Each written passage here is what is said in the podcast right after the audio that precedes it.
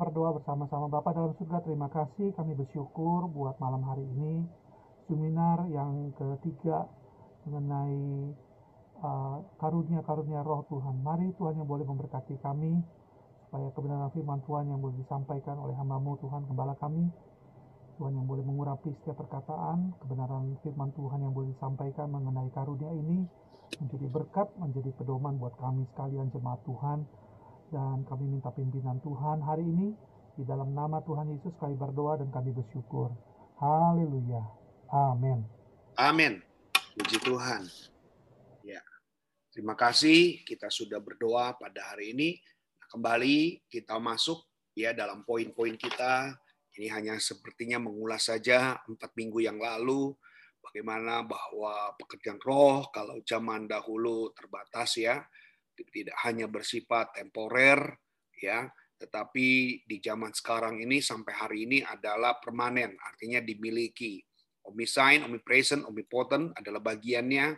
Bagaimana Roh Kudus mendiami memenuhi membaptis memeteraikan dan diurapi. Jadi uh, secara tidak langsung memang betul-betul kita berbangga ya berbangga karena Roh Kudus itu sudah langsung dimiliki oleh saudara dan saya Nah, berbagai hal yang membuat Roh Kudus kurang diminati ya tadi dikatakan dia tidak relevan dengan zaman ya rasio berpikir manusia yang sudah terlalu uh, canggih ya merasa bahwa bukan karena Tuhan, itu karena manusia yang bisa, karena manusia yang merasa mampu itu sekali terjadi. Roh Kudus hanya uh, dinyatakan pada gereja mula-mula terjadinya, sekarang ini tidak. Maka oleh karena itu gereja harus terus mempertunjukkan ya. Kalau sempat dikatakan gereja kita saat sekarang ini adalah gereja yang mati.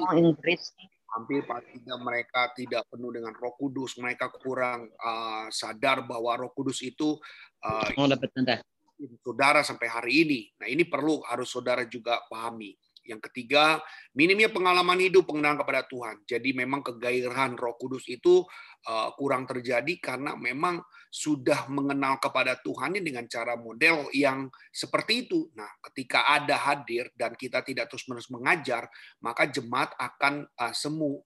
Jadi ketika ada dia kaget, kok ini dulu-dulu saya ke gereja sini nggak ada, kok sekarang ada. Nah ini kemudian kemajuan teknologi yang membuat orang sering kali tidak lagi uh, ya membutuhkan, tidak terlalu lagi sangat uh, perlu dengan yang namanya Roh Kudus. Nah, inilah pembahasan kita. Kemarin kita sudah sampai di nomor tiga. Nah, saat ini kita masuk di dalam karunia untuk menyembuhkan. Cepat saja, saya langsung masuk ke karunia untuk menyembuhkan. Ya, jadi saudara tahu kenapa kita sebagai orang percaya uh, punya kuasa untuk menyembuhkan. Ya, tadi saya katakan bahwa memang Tuhan yang berkuasa itu memberikan kuasa kepada saudara ya. Tapi ingat lagi-lagi harus terjadi hanya kepada orang percaya. Ketika kita tidak percaya, ketika kita tidak memiliki iman kepada Dia, maka karunia kesembuhan itu tidak akan pernah terjadi. Saya kenapa waktu perjamuan kudus saya merasa bahwa ini perlu didoakan, yang sakit harus didoakan supaya siapa pun yang pegang bagian yang sakit dia menjadi sembuh. Karena saudara adalah orang percaya. Dengan iman saudara, perlahan-lahan apa yang sudah alami, apa yang sudah sedang rasakan pada saat itu sakit itu tiba-tiba hilang. Ya, karena apa? Lagi-lagi karena kita percaya.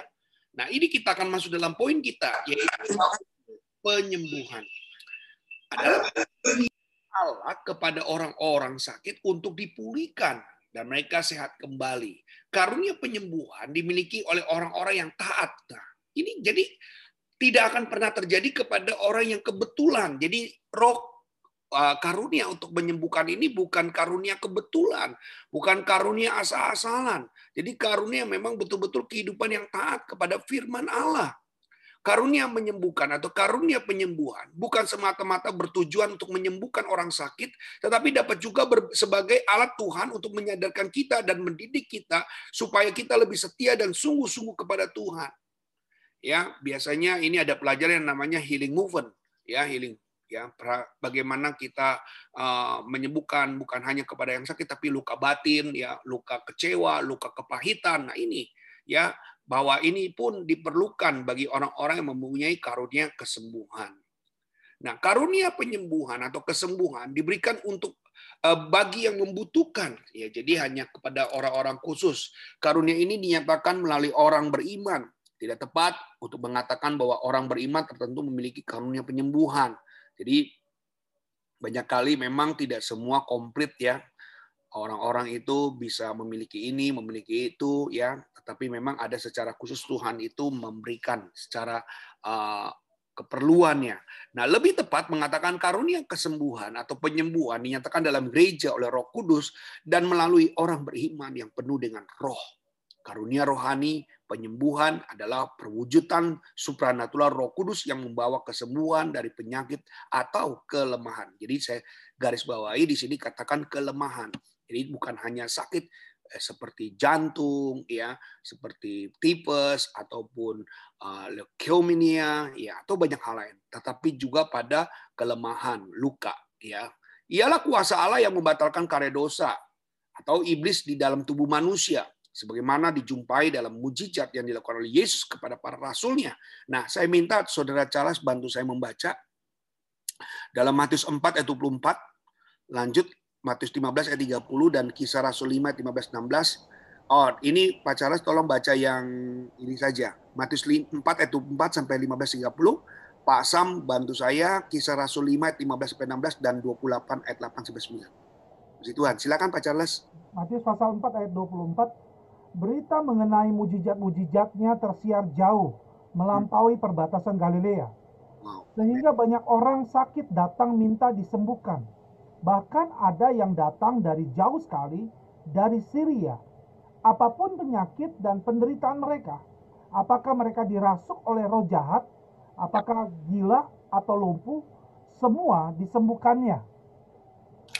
Matius pasal 15 ayat 30, kemudian orang banyak berbondong-bondong datang kepadanya. Orang timpang, orang buta, orang bisu, Ya. Banyak lagi yang lalu meletakkan tangan mereka ke kaki Yesus dan ia menyembuhkan mereka semua. Amin. Biasa. Nah ini karunia yang luar biasa dinyatakan. Ya, silakan Pasam. Kisah para Rasul 5 ayat 15 dan 16 Demikian firman Tuhan, bahkan mereka membawa orang-orang sakit keluar ke jalan raya dan membaringkan di atas balai-balai dan tilam supaya apabila Petrus lewat, setidak-tidaknya bayangannya mengenai salah seorang dari mereka dan juga orang banyak dari kota-kota di Yerusalem datang berduyun-duyun serta membawa orang-orang yang sakit dan orang-orang yang diganggu roh jahat dan mereka semua disembuhkan. Amin. Haleluya. 28 ayat 8 sampai 9. Kisah para Rasul 28 ayat yang ke-8 dan 9 ketika itu ayah Publius terbaring karena sakit demam dan disentri, Paulus masuk ke kamarnya, ia berdoa serta menumpangkan tangan ke atasnya dan menyembuhkan dia. Sesudah peristiwa itu datanglah juga orang-orang sakit lain dari pulau itu dan mereka pun disembuhkan juga. Haleluya. Nah, terima kasih Pak. Karunia penyembuhan yang diberikan pada gereja direkam dalam 1 Korintus 12 yang tadi kita katakan bahwa kita sudah pelajari bagaimana karunia-karunia bersama dengan karunia lainnya. Jadi berdampingan. Karunia rohani merupakan kuasa, keterampilan, kemampuan atau pengetahuan yang dibagikan oleh Allah melalui Roh Kudus kepada orang Kristen. Paulus memberitahu gereja bahwa tujuan di balik pemberian karunia rohani yang menguatkan saudara seiman dengan pada akhirnya memuliakan Allah Allah memberi berbagai karunia. Tujuannya adalah gereja Korintus, karunia itu bersifat sebagai pertanda akan keunggulan mereka. Nah ini, ini yang harus saudara pahaya, eh, perhatikan. Maaf. Kalau sekarang ini banyak gereja-gereja, sepertinya juga saya merasakan ada banyak hal-hal yang sepertinya degradasi ya, terjadi penurunan, betapa kalau dahulu banyak hal-hal yang bisa ditampilkan dan membuat orang percaya kepada Tuhan, dan hari-hari ini kadang-kadang kita berpikir tidak ada hal-hal yang spektakuler terjadi ketika kita jadi orang percaya. Jarang kita melihat orang buta melihat, Jarang kita melihat orang lumpuh berjalan, jarang kita melihat orang gila disembuhkan, jarang sekali. Hampir boleh dikata terbatas. Ya, ingat baik-baik ya, kita terbatas. Tetapi tetap membuat orang itu percaya. Nah ini yang saya boleh katakan, dan ini nggak pernah mengubah orang menjadi nggak setia ketika hal itu tidak terjadi. Nah ini yang saya boleh katakan karena peningkatan iman percaya kita kepada Tuhan yang lebih inilah yang membuat sesuatu itu masih tetap bertahan. Nah oleh karena itu dengan hal yang seperti ini ini perlu dipertahankan. Padahal secara spektakuler ya, secara supranatural hal-hal kesembuhan itu sudah hampir jarang terjadi. Bahkan saya belum lama ini setelah apalagi dengan Covid ini Ya, saya jarang sekali melihat apa pun yang terjadi dengan begitu dahsyat. Tetapi saya percaya, orang percaya tidak menurun dengan keadaan yang seperti ini. Orang percaya tidak menurun kekesenannya ataupun menurun uh, peningkat kepercayaannya kepada Tuhan karena tidak terjadi. Oleh karena itu saya percaya saudara, Roh Kudus yang masih mempertahankan ini semuanya, maka bertahanlah terus supaya iman percaya kita tetap bertahan maka firman Tuhan betul saya katakan. Mungkin ini saja suatu hal yang ter akan terjadi. Bukankah firman Tuhan pernah berkata, sudah ingat? Ada kata-kata firman Tuhan katakan, berbahagia orang yang tidak melihat, tetapi percaya. Nah ini sesuatu yang memang mengundang sesuatu yang kuat dalam diri kita, suatu proses dalam diri kita. Supaya apa? Lagi-lagi, supaya kita bertahan. Ya Supaya kita mampu untuk tetap menjadi orang Kristen. ya Berbahagia orang yang tidak melihat, tetapi tetap percaya. Saya yakin saudara sebagai orang-orang yang mengasihi Tuhan, sebagai orang-orang yang mencintai Tuhan, ya inilah pribadi-pribadi yang harus unggul ya. Unggul dalam arti bukan hanya sekedar tetapi unggul bertahan. Amin ya. Unggul bukan sekedar tapi unggul bertahan. Nah, ini saya lanjutkan kembali. Jadi adalah menarik bahwa di dalam 1 Korintus 12 ayat ke-9 yang disebut karunia penyembuhan sebenarnya berbentuk jamak. Karunia-karunia penyembuhan dapat mengindikasi berbagai jenis penyembuhan. Tadi saya katakan tidak lagi hanya kepada sakit penyakit, tapi ada banyak penyakit-penyakit lain yang tadi sudah dibaca oleh Saudara Charles ya, ada penyakit-penyakit yang lain disembuhkan Tuhan. Nah, Howard Center dia bilang gini, mengatakan karunia-karunia penyembuhan adalah pernyataan kuasa Allah dalam lingkungan sakit penyakit. Karunia-karunia ini mengalir dari Roh Kudus melalui seorang beriman dan kemudian melalui orang yang memerlukan kesembuhan. Karunia-karunia penyembuhan diberikan untuk yang membutuhkan. Pasti ya memang saya percaya ada kuasa-kuasa Tuhan yang Tuhan berikan. Ya, kalau saudara bertanya, Pak, kalau kalau begitu apakah karunia penyembuhan itu sifatnya uh, permanen atau memang temporer. Ya, kalau saya lihat ini bisa sifatnya temporer. Ketika orang itu tidak lagi menjadi memelihara kesembuh uh, iman percayanya dengan sungguh kepada Tuhan, dia tidak sungguh-sungguh, maka itu akan berlalu begitu saja. Nah, saya lanjutkan. Karunia penyembuhan dapat meliputi berbagai macam kemampuan atau keterampilan. Hal ini dapat diartikan sebagai kuasa untuk menyembuhkan ya orang secara dramatis melalui mujizat. Nah, saya ingat waktu saya khotbah tentang uh, Smith Wildesworth ya.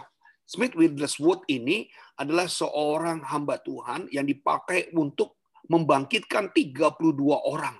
Bayangkan, orang yang sudah mati, Smith Wildesworth ini, dia mampu membangkitkannya. Saya percaya ada beberapa orang-orang hebat yang Tuhan pakai.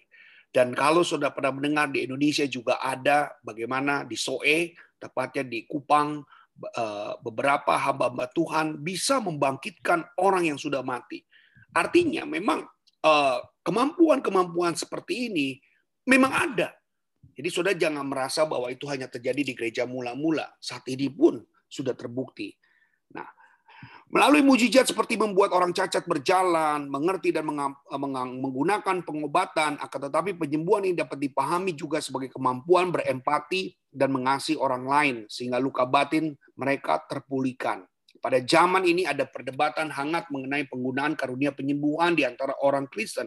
Ada yang percaya karena karunia penyembuhan dan karunia pertanda lainnya sudah tidak berlaku pada zaman ini. Dan tentunya ada pula yang mempercayai bahwa karunia mujizat tersebut masih saja berlaku pada zaman ini. Memang pada kenyataannya kuasa penyembuhan tidak pernah dimiliki secara pribadi. ya temporer tadi saya katakan ya oleh orang tertentu kuasa menyembuhkan berasal dari Allah ingat sekali lagi kita ini cuma alat jadi jangan pernah mengeluk-elukan hamba Tuhan bahwa dia bisa bikin uh, mujizat, dia bisa menyembuhkan, dia bisa membangkitkan dan lagi-lagi jangan mengeluk-elukan manusia karena semua di situ dikatakan berasal dari Allah. Walaupun Allah masih tetap menyembuhkan pada zaman ini, kita percaya bahwa karunia rohani penyembuhan dikutip dalam 1 Korintus 12 eh, ayat yang ke-9 saya bacakan.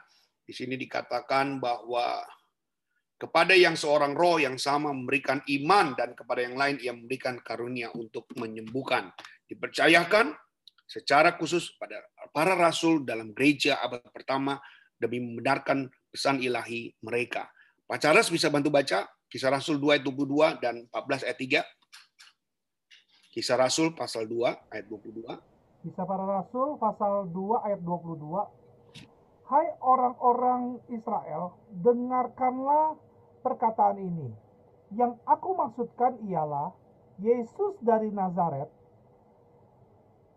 Yesus dari dari Nazaret, seorang yang telah ditentukan Allah dan yang dinyatakan kepadamu dengan kekuatan-kekuatan dan mujizat-mujizat dan tanda-tanda yang dilakukan oleh Allah dengan perantaraan Dia di tengah-tengah kamu seperti yang kamu tahu. Amin. Para Rasul 14 ayat yang ketiga. Ya. Maka berpuasalah dan berdoalah mereka. Dan setelah meletakkan tangan ke atas kedua orang itu, mereka membiarkan keduanya pergi. Haleluya, haleluya. Maaf, maaf, salah. Uh, 14 ayat 3. Ya. Paulus dan Barnabas tinggal beberapa waktu lamanya di situ. Mereka mengajarkan dengan berani karena mereka percaya kepada Tuhan dan Tuhan menguatkan berita tentang kasih karunia-Nya dengan mengaruniakan kepada mereka kuasa untuk mengadakan tanda-tanda dan mujizat-mujizat. Ya, jadi lagi kepada diri kita harus percaya. Jadi modal yang yang disampaikan adalah kesembuhan adalah percaya. Bagian lanjutannya itu mujizat itu Tuhan tugas kita berdoa dan percaya. Bagian Tuhan adalah menyembuhkan. Jadi saudara, saat ini iman percaya itu adalah sesuatu yang sangat erat untuk kita uh, maksimalkan dalam diri kita. Nah, Allah masih saja melakukan mujizat. Allah masih menyembuhkan orang. Tidak ada yang dapat menghalangi penyembuhan Allah melalui pelayanan orang lain. Akan tetapi karunia mujizat menyembuhkan pada dalam hakikatnya adalah karunia rohani seperti yang tidak berfungsi pada hari ini. Nah, ini saya tadi sempat saya katakan sudah mulai hilang, sudah mulai tidak lagi uh, fenomenal ya, tidak ada lagi menjadi sebuah uh, keberakan ya. Banyak orang sudah tidak lagi melihat mujizat-mujizat yang sedemikian. Dalam hakikatnya sebagai karunia rohani tidak yang tadi saya katakan tidak berfungsi. Allah pasti dapat bercampur tangan dalam cara apa pun yang ia hendaki. Banyak orang melihat kalau ada KKR saja terjadi penyembuhan ya. Percayalah hari ini uh, secara tanpa ada KKR pun saya percaya Bapak Ibu ketika hari ini Bapak Ibu ada sakit terus banyak berdoa pegang bagian tubuh yang sakit, yakinkan saudara punya kuasa untuk memampukan untuk menyembuhkan. Ya, jadi eh, saya yakin kuasa Tuhan yang akan menolong dalam diri kita. Allah pasti turut campur tangan ya. Ya kehendaki baik melalui pengobatan medis yang normal maupun melalui mujizat. Keselamatan kita adalah mujizat. Ketika kita masih mati dalam dosa Allah memasuki kehidupan kita dan menjadikan kita adalah ciptaan yang baru ya. 2 Korintus 5 ayat yang ke-17 saya akan bacakan 2 Korintus pasal 5 ayat yang ke-17 demikian firman Tuhan. Jadi siapa yang ada di dalam Kristus, ia adalah ciptaan baru. Yang lama sudah berlalu, sesungguhnya yang baru sudah datang. Inilah penyembuhan yang terbesar. Pada saat ini ada orang-orang percaya yang diberi Tuhan karunia untuk menyembuhkan. Melalui mereka Tuhan berkenan menyembuhkan penyakit, memulihkan kesehatan, lepas dari penggunaan cara-cara alami, ya termasuk mungkin sedang mengalami uh, narkoba ya sering kali kan itu pengalaman yang mereka sudah alami juga. Dengan karunia ini mereka menyembuhkan secara mujizat dalam nama Yesus. Karunia untuk menyembuhkan ini memang masih ada. Tapi kita tidak boleh jatuh dalam pandangan ekstrim. Jangan menganggap bahwa orang sakit harus terus didoakan saja dan tidak boleh ke dokter dan memakai obat-obatan Saudara-saudara yang kasih nama Tuhan, yang kita tahu murid Tuhan yang bernama Lukas juga adalah seorang dokter yang dipakai untuk menyembuhkan. Ingat, ada pengetahuan-pengetahuan yang lebih yang Tuhan berikan kepada mereka supaya arah ya. Jadi jangan sampai kita seperti orang yang ekstrim. Ada saya mendengar ada hamba-hamba Tuhan sering kali dia tidak mau berdoa, dia eh dia tidak mau berobat, dia tidak mau ke dokter, dia nggak mau makan obat ya. Pada saat sakit dia mencoba untuk menyembuhkan diri sendiri. Suatu saat memang bisa dia sembuh, satu saat ya. Mungkin dalam kondisi yang sangat-sangat kredit sekali bisa. Tapi kalau pada saat-saat yang memang Tuhan sudah siapkan, ya jangan sampai saudara tidak mau pergi ke dokter. Paling tidak sudah bisa mengetahui jenis penyakit yang sudah alami. Kalau kita sudah ke dokter, dokter akan kasih tahu, Pak, ini obat kelebihan, Pak, obat ini kurangnya. Itu kan dokter punya hitung-hitungannya. Dia belajar, dia punya ilmu, dan dia sekolah, dia pastinya pasti lebih baik daripada kita. Ya, yang tidak sekolah. Maka oleh karena itu kita harus menghargai dokter, karena murid Tuhan sendiri pun Lukas adalah dokter. Nah, luasnya penyakit-penyakit. Nah, kita bisa melihat bagaimana penyakit itu ada terjadi karena kelepasan dari kuasa kegelapan yang kita lihat. Coba kita bantu untuk dibacakan. Ini cukup banyak ayat ya, tapi uh, saya minta hanya satu-satu saja ya supaya mewakili. Pak Charles tolong bantu baca di Matius 8 ayat 16 17 Pak Samuel bisa Mazmur 103 ayat 2 sampai 3 yang bagian 2. Ya, bergantian nanti nomor 3 ambil ayat yang depannya saja. Yang lain nanti bisa dicatat. Silakan Pak Charles. Ya, Matius pasal 8 ayat 16 sampai 17. Pada petang itu beberapa orang yang dirasuk roh jahat dibawa kepada Yesus. Dengan sepatah kata saja Yesus mengusir semua roh jahat itu dan semua orang sakit disembuhkan. Amin. Ini menggenapi nubuat Nabi Yesaya. Ia mengambil segala kelemahan kita dan menanggung segala penyakit kita. Amin. Yes, ya, ini yang terjadi. Silakan Pak Sam Mazmur 103 ayat 2 sampai 3.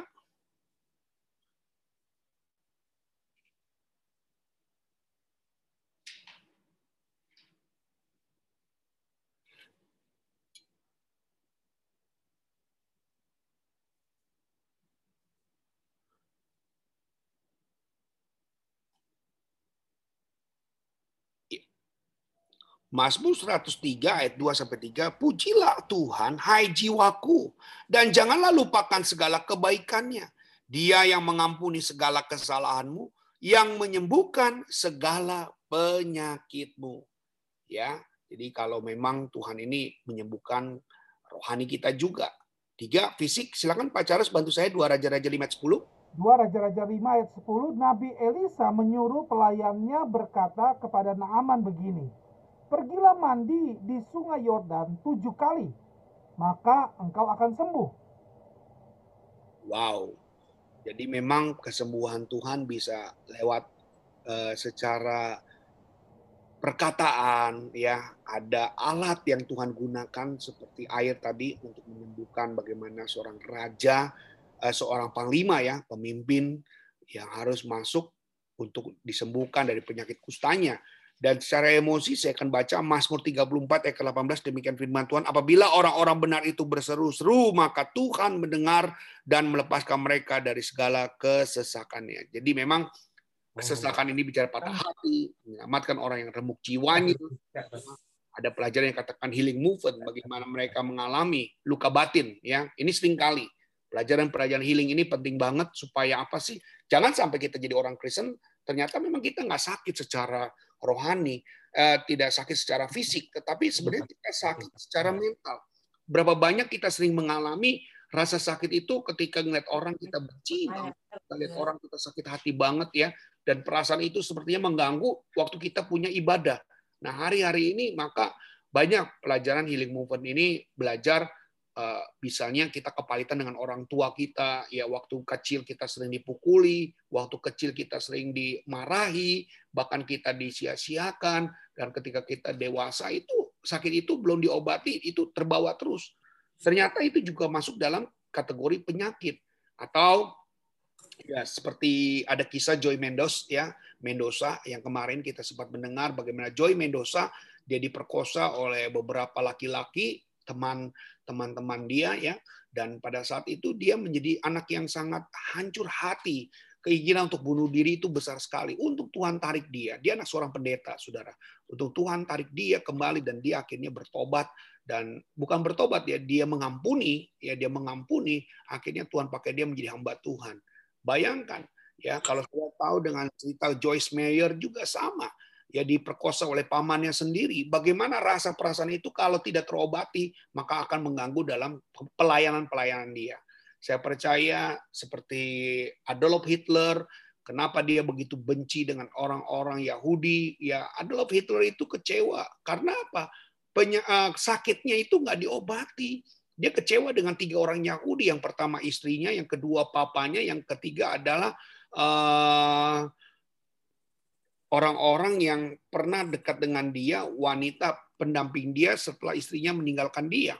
Jadi tiga orang Yahudi itu melukai dia sehingga dia begitu benci sehingga tidak heran dia mengambil satu keputusan begitu marah sehingga 6 juta orang Yahudi dibantai dan dibunuh dan dia seperti pembunuh berdarah dingin pada saat itu. Ini hal yang sangat-sangat harus diobati sebenarnya. Saudara berpikir bahwa penyakit bukan hanya lumpuh, buta, 6 juta gampang, tetapi memang ini hal yang luar biasa. Dan bayangkan akibat luka batin tidak disembuhkan, nah itu berdampak banget buat seorang yang bernama Adolf Hitler.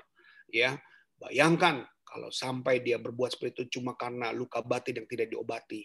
Ya, makanya emosi itu penting sekali. Nah, yang kelima bicara tentang mental. Daniel 4 ayat 34. Pasam ada? Siapa? Mohon maaf tadi nggak kebuka mic-nya. Okay. Daniel 4 ayat 34, Pak. Oke. Tetapi setelah lewat waktu yang ditentukan, aku Nebukadnezar mengadah ke langit dan akal budiku kembali lagi kepadaku.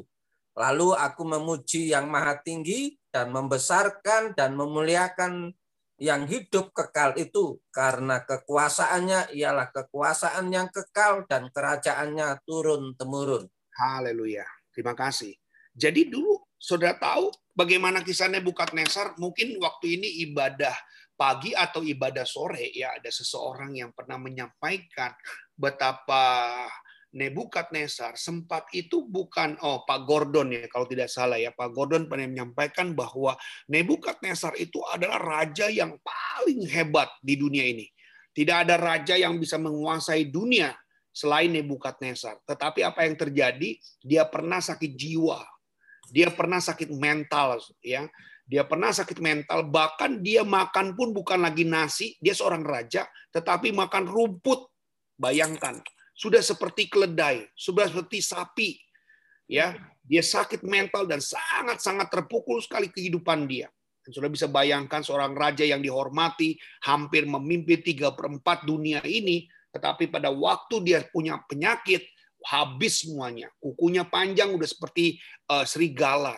Dan saat itu pengalaman sakit mental yang dialami juga dialami. Jadi saya percaya kuasa kegelapan, rohani, fisik, emosi, dan mental itu adalah bagian-bagian dari uh, karunia kesembuhan yang bisa kita praktekkan di dalam kehidupan kita sehari-hari. Ingatlah bahwa Tuhan Yesus pun selagi berdoa pada orang yang sakit, ada kalanya ia juga menggunakan sarana. Tadi saya katakan, bagaimana seorang harus pergi air yang kotor, Sungai Yordan, ya, padahal dia ada seorang pemimpin istana, ya, itu bukan menjadi masalah. Tuhan juga pernah menyembuhkan seorang yang buta dengan tanah liat. Dia mengolesi tanah liat, dia meludahi dan tanah itu dipakai ke matanya dan mata orang itu menjadi bu, uh, yang buta menjadi melihat. Nah, misalnya saat menyembuhkan orang yang buta ini, ia sakit memakai ludah dan tanah. Ya, Yohanes 9 6 bisa Saudara Charles bantu saya baca. Yohanes 9 ayat ke-6. Ya, Yohanes pasal 9 ayat yang ke-6. Ya. Demikian firman Tuhan, setelah ia mengatakan semuanya itu, ia meludah ke tanah dan mengaduk ludahnya itu dengan tanah, lalu mengoleskannya pada mata orang buta tadi. Haleluya. Ayat dia. Yohanes 9 ayat 6. Ya. Pada saat ia menyembuhkan orang yang tuli, di yang dan gagap di Dekapolis, ia memasukkan jarinya ke telinga orang itu. Lalu ia meludah dan meraba lidahnya. Pak Sam bisa bantu saya Markus 7 ayat 2 32 sampai 33. Markus 7 32 dan 33. Di situ orang membawa kepadanya seorang yang tuli dan yang gagap dan memohon kepadanya supaya ia meletakkan tangannya atas orang itu. Dan sesudah Yesus memisahkan dia dari orang banyak, sehingga mereka sendirian, ia memasukkan jarinya ke telinga itu, ke telinga orang itu, lalu ia meludah dan meraba lidah orang itu. Ya, Yakubus juga mengatakan agar para penatua mendoakan orang sakit serta mengolesnya dengan minyak dalam nama Tuhan. Jadi selain berdoa, dipakai juga sebuah sarana. Jangan lupa bahwa pada masa lampau obat-obatan terbanyak yang berupa minyak saat itu belum dikenal sebagai obat suntik, infus, tablet ataupun sebagiannya. Ingat lagi saudara, jangan sampai berkata bahwa obat itu yang menyembuhkan. Banyak gereja-gereja saat ini menggunakan minyak itu sebagai uh, obat yang melebihi dari kuasa Tuhan. Ya, minyak itu melebihi kuasa Tuhan. Urapan itu atau minyak urapan itu menjadi sesuatu yang melebihi kuasa Tuhan. Bukan ya, karena tadi dikatakan ini hanya sarana sudah tahu ya kalau yang namanya sarana itu sesuatu yang difungsikan, tetapi bukan segala-galanya. Obat-obatan yang biasa dipakai, minyak obat atau ramuan obat-obatan pada saat itu Tuhan pun bisa menyembuhkan dengan berbagai cara. Ia dapat menyembuhkan melalui tindakan dokter atau obat-obatan. Ia pun juga bisa melakukan lewat doa yang memiliki karunia penyembuhan. Orang yang memiliki karunia menyembuhkan dipakai Tuhan untuk memulihkan keadaan orang-orang sakit seturut dengan kehendaknya. Orang itu tidak memiliki kuasa pada dirinya sendiri, melainkan Tuhan yang memakainya dengan kuasanya seturut dalam kehendaknya. Karunia untuk menyembuhkan itu memang dibutuhkan manusia, khususnya orang-orang yang sakit. Walaupun demikian, hal itu tidak berarti bahwa orang yang memiliki karunia menyembuhkan lebih rohani atau lebih hebat dari orang yang memiliki karunia yang lain. Semua karunia adalah roh Allah. Ya, ingat ya. Janganlah menjebak pada pengkultusan individu. Tadi saya sudah sampaikan bahwa jangan sampai berpikir uh, kalau saudara bisa lakukan ini, saudara bisa lakukan itu, itu karena saudara. Ingat kita ini cuma sarana, ya kita ini cuma alat, dan di situ sudah dijelaskan jangan mengkultuskan individu. Hanya Tuhan yang kita tinggikan, yang kita sembah. Orang-orang yang memiliki karunia menyembuhkan hanyalah hamba. Ingat firman Tuhan, karena itu hendaklah kamu saling mengaku dosamu, saling mendoakan supaya kamu sembuh. Doa orang benar, bila dengan didoa, dengan yakin didoakan, sangat besar kuasanya. Yakobus 5 ayat 16. Bersyukurlah kepada Tuhan bila saudara memiliki karunia menyembuhkan. Gunakan karunia ini untuk eh, kasih dan kerendahan hati. Jadilah menjadi saluran berkat bagi orang-orang yang membutuhkan. Seturut dengan kehendak Allah di dalam Alkitab sendiri dikatakan, ya tidak saja menjawab doa yang untuk kesembuhan Misalkan Daud, Iskia, orang yang Yesus sembuhkan, tapi juga secara aktif menjanjikan kesembuhan dan bertindak memerangi berbagai penyakit. Bahkan karya penyelamatan satu paket dengan karya penyembuhan. Ya, Oke, saya minta Pak Charles bisa baca Yesaya 53 ayat 4 sampai 5, pasal Matius 8 17 dan 1 Petrus 2 24. Silakan. Yesaya 53 ayat 4 dan 5. Tetapi sesungguhnya penyakit kita lah yang ditanggungnya dan kesengsaraan kita yang dipikulnya. Padahal kita mengira dia kena tulah, dipukul dan ditindas Allah.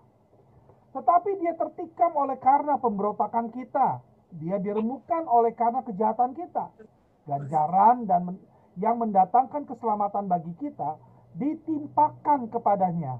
Hmm. Dan oleh bilur-bilurnya kita menjadi sembuh. Amin. Matius 8 ayat 17. Hal itu terjadi supaya genaplah firman yang disampaikan oleh Nabi Yesaya. Dialah yang memikul kelemahan kita dan menanggung penyakit kita. 1 Petrus 2 1 Petrus 2 ayat 24 demikian firman Tuhan ia sendiri telah memikul dosa kita di dalam tubuhnya di kayu salib. Supaya kita yang telah mati terhadap dosa hidup untuk kebenaran. Oleh bilur-bilurnya kamu telah sembuh. Yes, makasih Pak.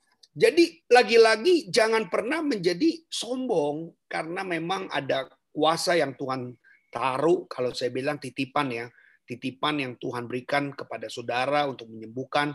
Jadi jangan pernah membanggakan, jangan pernah menjadi angkuh.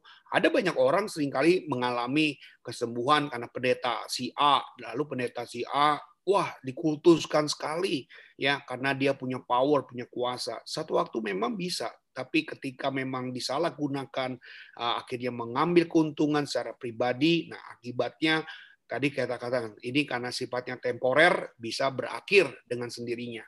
Ajaran Joseph Smith katakan orang yang sakit dapat disembuhkan melalui iman dan menggunakan kuasa imamat menurut kehendak Tuhan. Jadi dirinya sendiri yang menyembuhkan. Bisa saja ya. Dan Howard bilang lagi, karunia-karunia penyembuhan adalah pernyataan kuasa Allah dalam lingkungan sakit penyakit. Karunia penyembuhan adalah pemberian Allah kepada orang sakit yang dipulukan untuk sehat kembali. Ya, memang dengan adanya uh, waktu ya kadang-kadang kita harus mengalami. Ada pengalaman-pengalaman yang memang tidak seperti apa yang kita rasakan ya. Tapi memang faktor saat ini memang kesehatan kita ini banyak terganggu karena konsumsi makanan kita. Maka berhati-hati dengan makanan yang kita makan karena banyak sekarang ini ya kalau dulu orang sakit karena kurang makan tapi sekarang banyak orang mati gara-gara kelebihan makan ya. Sadar tidak sadar makanan kita juga harus kita waspadai tahu diri kalau orang zaman dulu bilang ya tahu diri gitu ya kalau kita udah tahu diri maka saudara akan memilah-milah setiap makanan yang akan saudara santap karena ini semua lagi-lagi demi usia yang Tuhan mau berikan. Roh Kudus memberikan kekuatan kepada kita untuk hidup taat dan bersyukur. Ya, meskipun kita hidup dalam penderitaan, ketika kita menderita sakit atau menderita kerugian, tapi kita harus senantiasa bersyukur kepada Tuhan, menyadari bahwa semua yang diperkenan oleh Tuhan itu mendidik kita. Ingat kalau kita baca perjamuan kudus kita di dalam pasal 1 eh, Korintus 11 ayat 31 32 selalu di akhir katakan kalau kita dihukum kita dididik Tuhan ya. Sehingga kita pada hari yang akan datang dapat lebih setia dan sungguh-sungguh. Penyembuhan Kristen lebih berhubungan pada keseluruhan pribadi daripada hanya sekedar eh, kesembuhan fisik, lebih berhubungan dengan keseluruhan pribadi yang lebih penuh daripada sebelumnya, baik secara rohani, mental maupun fisik.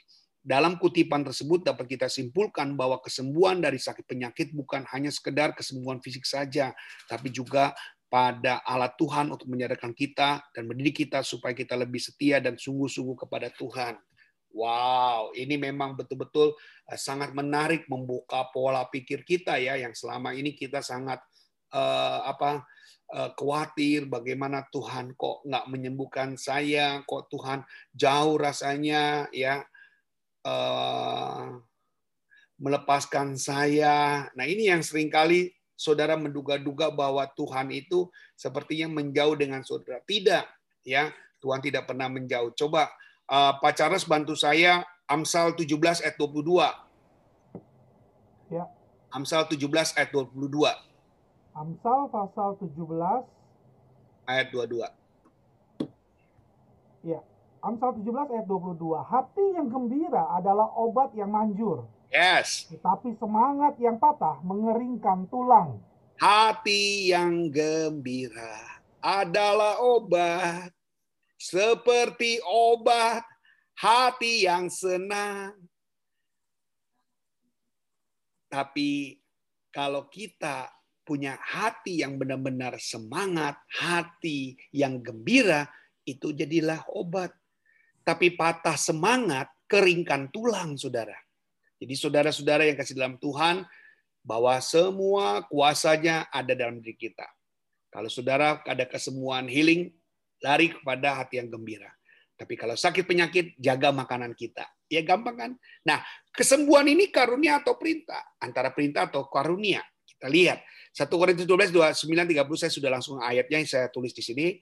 Uh, Saudara Charles baca saja langsung. Ayatnya sudah tertulis. 1 Korintus 12 ayat 29 sampai 30. Adakah mereka semua rasul atau nabi atau pengajar? Adakah mereka semua mendapat karunia untuk mengadakan mujizat? Atau untuk menyembuhkan? Atau untuk berkata-kata dalam bahasa roh? Atau untuk menafsirkan bahasa roh? Bawahnya? 1 Korintus 12 ayat 28 dan Allah telah menetapkan beberapa orang dalam jemaat. Selanjutnya mereka yang mendapat karunia untuk mengadakan mujizat, untuk menyembuhkan, untuk melayani, untuk memimpin, dan untuk berkata-kata dalam bahasa roh. Amin. Jadi, saudara, di sini ada satu hal yang saudara harus dipahami ya. Banyak ada orang yang ekstrim dia katakan, wah gereja ini kurang kurang hebat. Kenapa? Nggak ada yang memiliki karunia kesembuhan, nggak ada yang memiliki orang yang menafsirkan bahasa roh. Pak, Bu, saat-saat sekarang ini memang gereja membutuhkan orang-orang yang sedemikian. Saya percaya, ya, karena di sini katakan apa? 12 28 ini penetapannya. Allah menetapkan beberapa orang dalam jemaat. Jadi jangan berpikir itu datang harus dari rasul, nabi ataupun mengajar. Saudara, kalau saudara selalu dianggap sebagai jemaat, maka posisi saudara akan selalu terus di bawah-bawah bayang-bayang hamba-hamba Tuhan. Tidak. Kita tidak pernah melebihi. Hamba-hamba Tuhan adalah jabatan struktural gereja. Ya, tapi status kita tetap adalah orang-orang percaya di hadapan Tuhan. Struktural gereja memang kita adalah hamba Tuhan, hanya struktural, ya. Tapi di hadapan Tuhan kita sama-sama orang-orang yang harus melatih diri kita dengan sungguh-sungguh tanpa kesungguhan, mau dia hamba Tuhan, mau dia pendeta, sama. Ya, Sudah jangan berpatokan bahwa hamba Tuhan adalah orang yang terpilih. Kapan Tuhan memilih saudara? Yang memilih saudara adalah gereja, sinode gereja menentukan saudara sebagai hamba Tuhan. Ya, tapi Tuhan tidak sesekali memilih saudara sebagai pemimpinnya. Ya, kapan Tuhan kasih surat sama saudara untuk jadi pemimpin? Tetapi ketika hamba Tuhan itu terpilih, maka hamba Tuhan itu dikuasai Tuhan, dipimpin Tuhan untuk Tuhan namanya dipermuliakan lewat saudara. Jadi lagi-lagi jangan merasa penafsiran yang salah. Di sini uh, saudara cara sudah membacakan dan Allah telah menetapkan beberapa orang dalam jemaat. Ya, jadi saudara ingat. Nah, kita lihat Yakobus uh, 5 ayat 14 sampai 15, kemudian Lukas 10 ayat 9. Ini Pak Sam bisa bantu saya baca. Sudah di layar, Pak. Oke, okay. Pak. Yakobus 5 14 dan sampai 15 kalau ada seorang di antara kamu yang sakit baiklah ia memanggil para panatua jemaat supaya mereka mendoakan dia serta mengoleskan dengan minyak dalam nama Tuhan dan doa yang lahir dari iman akan menyelamatkan orang sakit itu dan Tuhan akan membangunkan dia dan jika ia telah berbuat dosa maka dosanya itu akan diampuni Lukas 10 ayat 9 dan sembuhkanlah orang-orang sakit yang ada di situ dan katakanlah kepada mereka kerajaan Allah sudah dekat padamu. Markus 16 Ya, silakan Pak Sam. Terus Pak. Markus 16 17 dan 18. Tanda-tanda ini akan menyertai orang-orang yang percaya mereka akan mengusir setan-setan demi namaku. Mereka akan berbicara dalam bahasa-bahasa yang baru bagi mereka. Mereka akan memegang ular dan sekalipun mereka minum racun maut, mereka tidak akan mendapat celaka. Mereka akan meletakkan tangannya atas orang sakit dan orang itu akan sembuh. Sadar bahwa apa yang Tuhan lakukan, apa yang Tuhan kerjakan, ini menjadi satu pegangan buat kita. Ada orang yang dipakai Tuhan dengan karunia kesembuhan, tapi ada juga yang dipakai Tuhan untuk menyembuhkan orang sakit karena taat pada perintah Tuhan. Jadi memang satu hal yang tidak bisa kita pungkiri, tidak bisa kita lepaskan di dalam kehidupan kita sebagai orang percaya. Kita sedang hidup di dalam masa janji yang perintah Yesus untuk menyembuhkan yang sakit dengan masa kedatangannya untuk kali yang kedua, menyempurnakan segala sesuatu, ya already or not yet kingdom. Jadi makna ini adalah siap nggak siap, sedia nggak sedia, kerajaan Allah akan datang menyatakan bahwa karunia ini menyediakan bagi individu penerima karunia atau porsi kesembuhan secara spesifik yang dibagikan satu persatu untuk kesembuhan orang yang sakit. Allah memaksudkan bahwa karunia ini berfungsi bukan sekedar sebagai saluran kesembuhan belaka, tetapi untuk menumbuhkan maksud Allah dalam diri seseorang maupun gereja.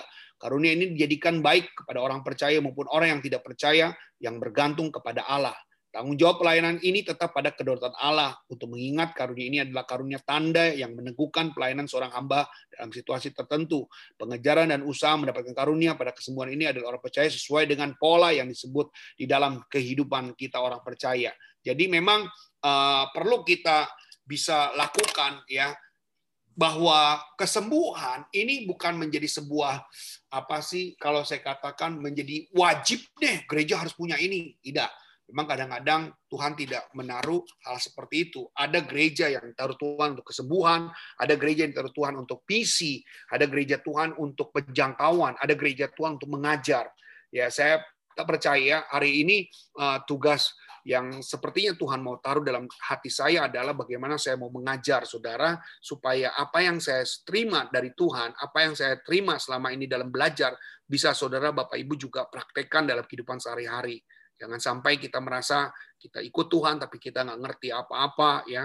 Kenapa kok hari-hari ini ada banyak hamba Tuhan yang saya taruh untuk saudara saling belajar sehingga saudara tahu bagaimana menjadi garam ya sehingga kita ngerti prospek prospek bagaimana garam itu sehingga ini semua tidak lepas dari apa yang saudara saat ini pelajari. Dalam mungkin waktu saudara ke gereja di tempat-tempat lain atau saudara pernah beribadah di tempat kita, sepertinya khotbah garam ini nggak ada yang kena. Apa sih maksudnya? Tetapi lama kelamaan ketika saudara ada dalam gereja, ada sesuatu yang saudara dapatkan, ilmu yang saudara dapatkan. Ini penting saudara. Kalau kita tidak mendapatkan ilmu dalam mengiring Tuhan, maka kita sepertinya akan sembuh.